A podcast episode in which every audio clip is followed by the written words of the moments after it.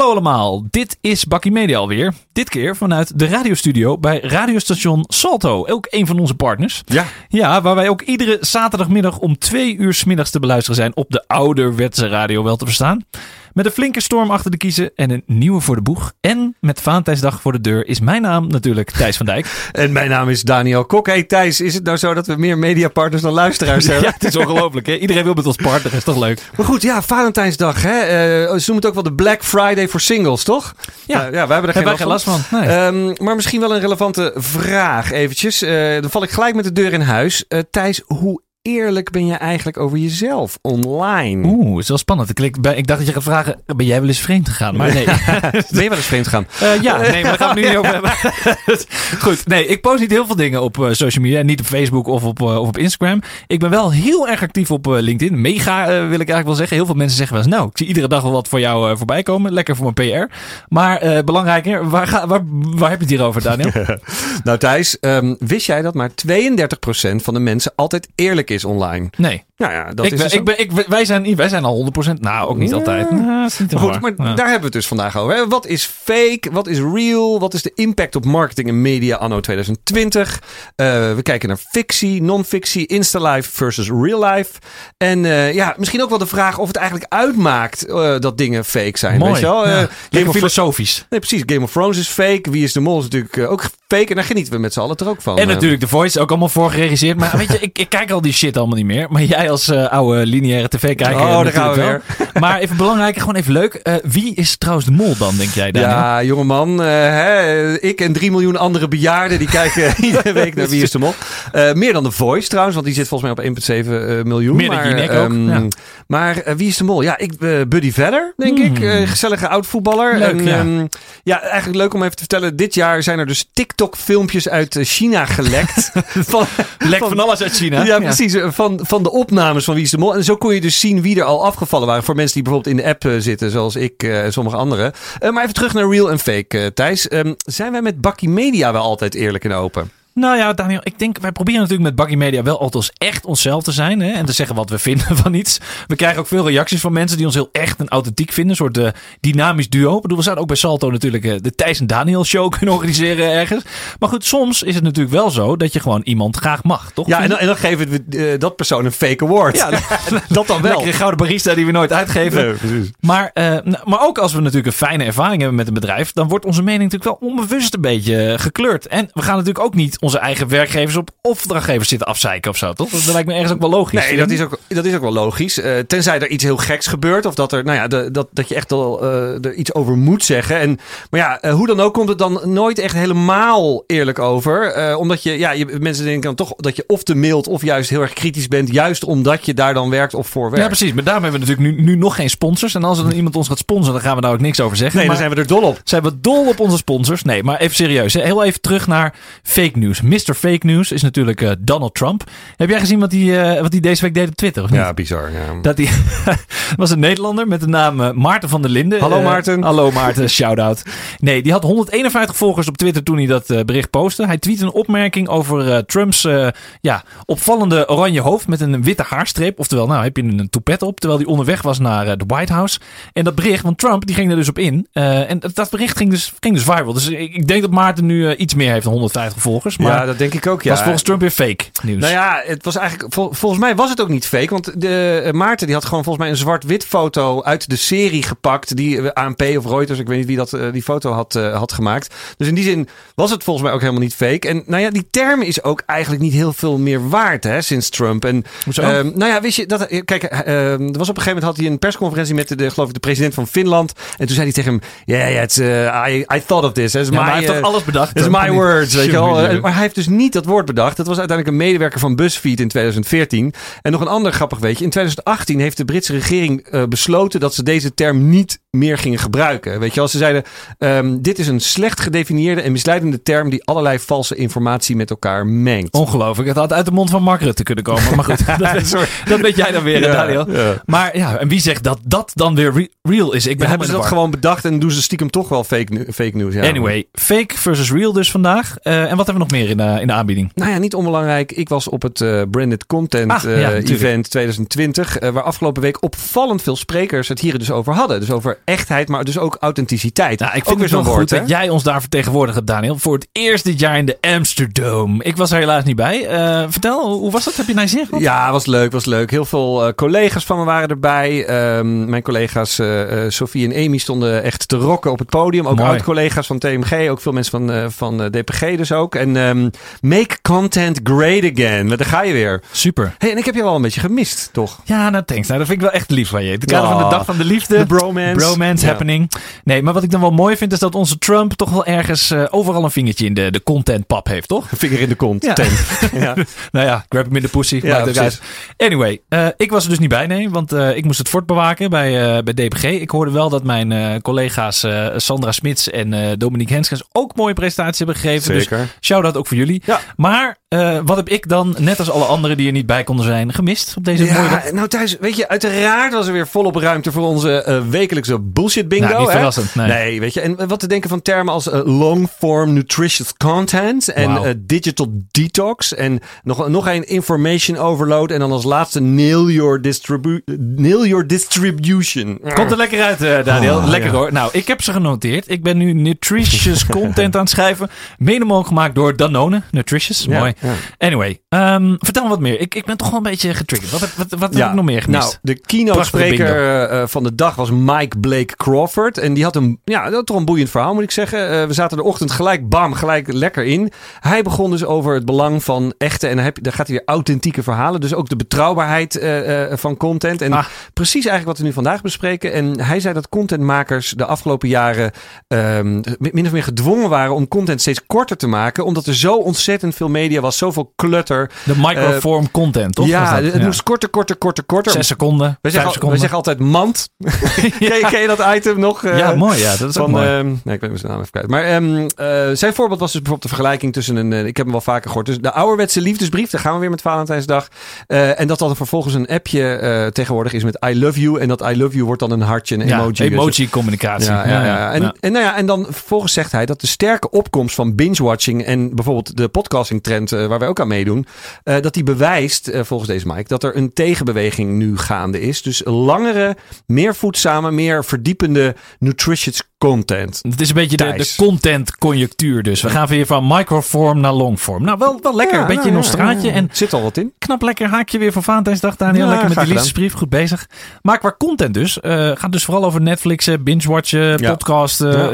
Eh, had hij ook nog andere mooie voorbeelden naast het eh, word-dropping? Ja, nou ja, weet je, de grap was, hij verzorgde, verzorgde zelf ook een enorme clutter. Een soort je- waterval. Ja, precies. Het, hij ging snel en het was veel en een sheet. En ik was echt, ik pakte mijn telefoon, ik wilde een fo- weg was de sheet. Dus, eh, High-speed content. ja, precies. Hij maakte zelf ook. eh, Maar nu maken wij er weer een podcast over. En eh, nou, super inspirerend. maar ik vond het zo vroeg in de ochtend. Ik had nog geen koffie gehad. Vond ik het ook een beetje vermoeiend.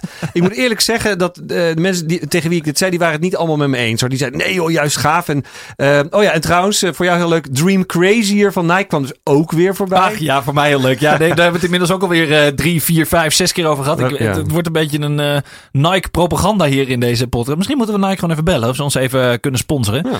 Maar ik moet wel zeggen, Daniel, deze case is wat mij betreft voortaan wel off-limits op congressen. Just don't do it. ik. Ja, en dan heb ik er nog één. Eh, de Red Bull Stratos Skydive Ach, van jezus, Felix eh, nee, toch. Baumgartner. Ik, eh, ik heb de beste man trouwens een keer ontmoet. Eh, dat was ik bijna vergeten. Was dat toen jouw Emmy, eh ja, Emmy ja, ja, toen ik de, de, de Emmy eh, mede in ontvangst nam. Ja. Eh, maar goed, ehm, deze case, dus de, de Red Bull Stratos Sky- Skydive, die werd dus ook weer door drie verschillende mensen genoemd. Weet je wel, super mooie case. Maar weet je, met een zaal vol met contentmakers, als je daarmee dan gaat komen, denk ik, nee jongens, niet doen.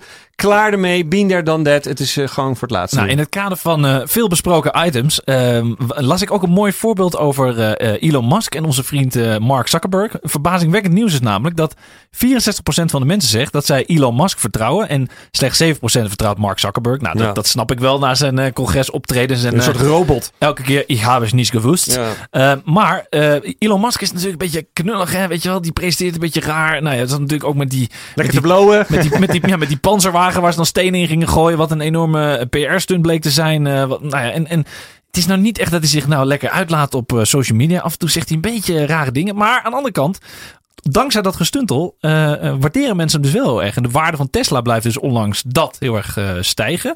En ook op social media waarderen mensen toch dat hij een beetje een menselijk gezicht heeft. Ja, en, ja, ja. Terwijl aan de andere kant heb je dus Mark Zuckerberg. Die geeft weinig prijs. Die zegt elke keer, ja, I will come back to this. En het is een beetje ongeloofwaardig. We'll look into that. We'll look into that, ja. En het is een beetje ongeloofwaardig. Braafste jongetje van de klas Mm. spelen. Facebook heeft het allemaal niet geweten. Net als bij de Great Hack wisten ze het ook niet.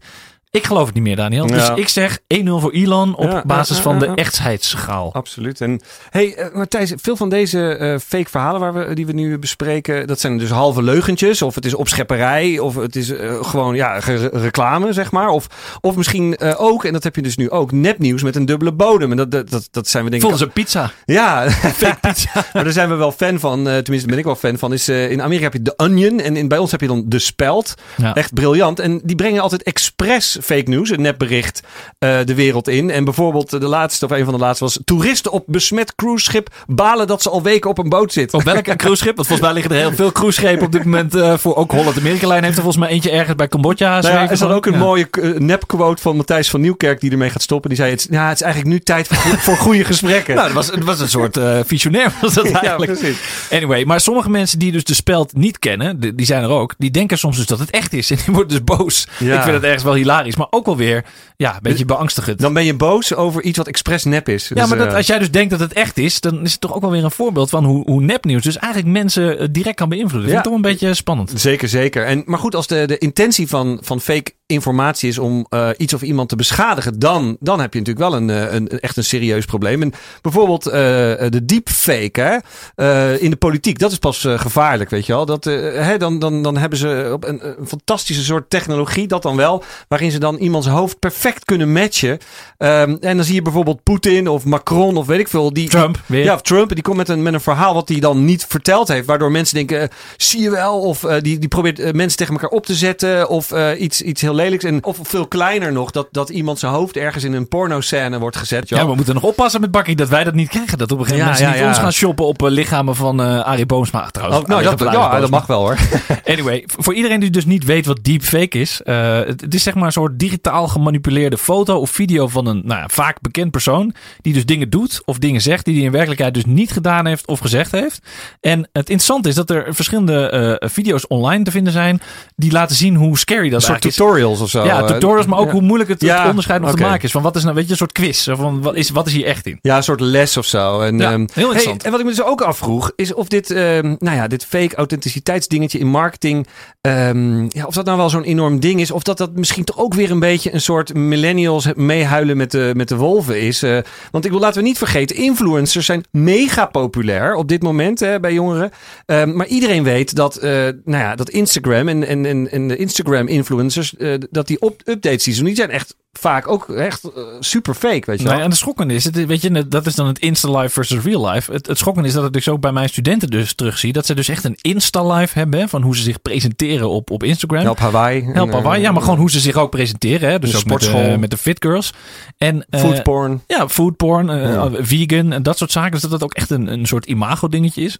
En de laatste trend bij de, de echte influencers is dus, dat noemen ze fake sponsored content. Dus dan heb je dus sommige influencers die geven dus openlijk toe dat ze niet gesponsorde inhoud maken. Die eruit ziet als echte, compleet met merkterminologie en, en hashtags eh, en een hele shebang. Om maar meer gevraagd te worden door merken die dus wel echt bestaan.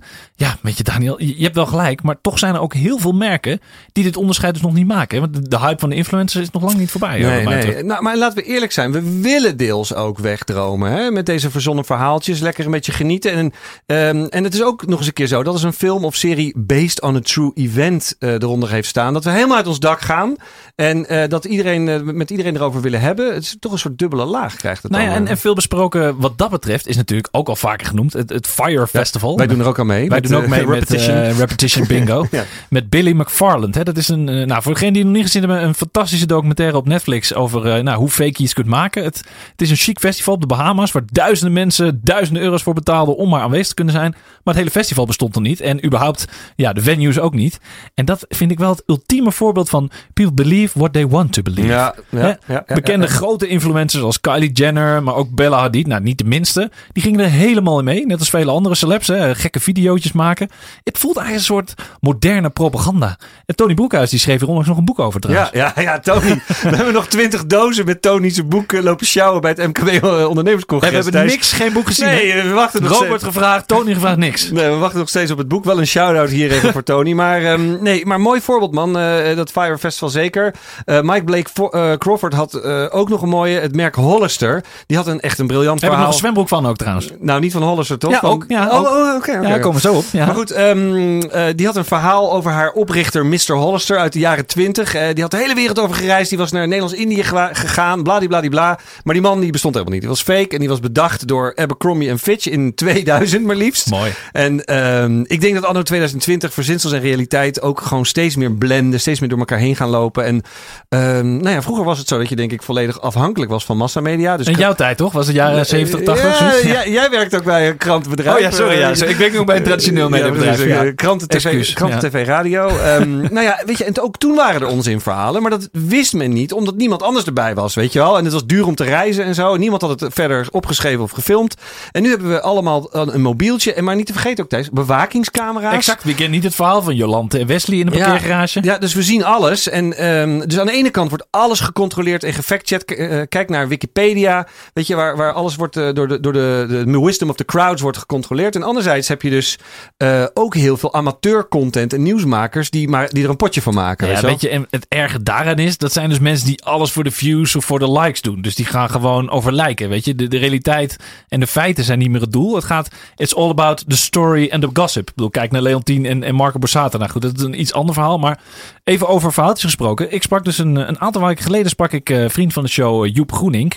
En die laat zijn eh, Mr. Beaumont, eh, dat is ook van de zwembroekjes, Ja, ook, ja. ook tot leven komen op eh, social media. En misschien kunnen dus mijn zwembroek en, nou ik heb er eigenlijk twee, mijn Mr. Hollister zwembroek en mijn Mr. Beaumont zwembroek, samen naar Ibiza. Ja, dat is een top idee. Dat je gewoon die twee nepmannen, gewoon een, een Ja, soort gewoon van leuk zo. Samen- soort projecties die gaan elkaar Samen op ontmoeten. reis, het hologram. Ja, precies. Anyway, ken je trouwens ook die, die andere fantastische documentaire over zo'n over Theranos? Huh? Dat is Silicon Valley's Greatest Disaster. Heb je daar iets van gehoord? Wat is dat? Is dat een soort medicijn of zo? Of een soort Griekse god? Eh, nee, nee, nee, dit was een documentaire, en deze keer van, eh, van HBO, waar ene Elizabeth Holmes, eh, niet te verwarren met eh, Sherlock Holmes, een soort vrouwelijke Of John Holmes. Of John Holmes. Nee, maar door. Een soort vrouwelijke kloon eh, was zij van, van Steve Jobs. Ze was helemaal idolaat van Steve Jobs. En zij eh, presenteerde haar bedrijf ook als de Apple van de gezondheidszorg. Zij kleedde zich ook als Steve Jobs, weet je wel, met die hoge Ja, ja, kooltrui. ja, ja, ik heb het gezien. Echt briljant. En zij had een black box ontwikkeld. Die, eh, die, ja, die eigenlijk zei van, nou, we hebben een nieuwe manier van bloedtesten ontwikkeld.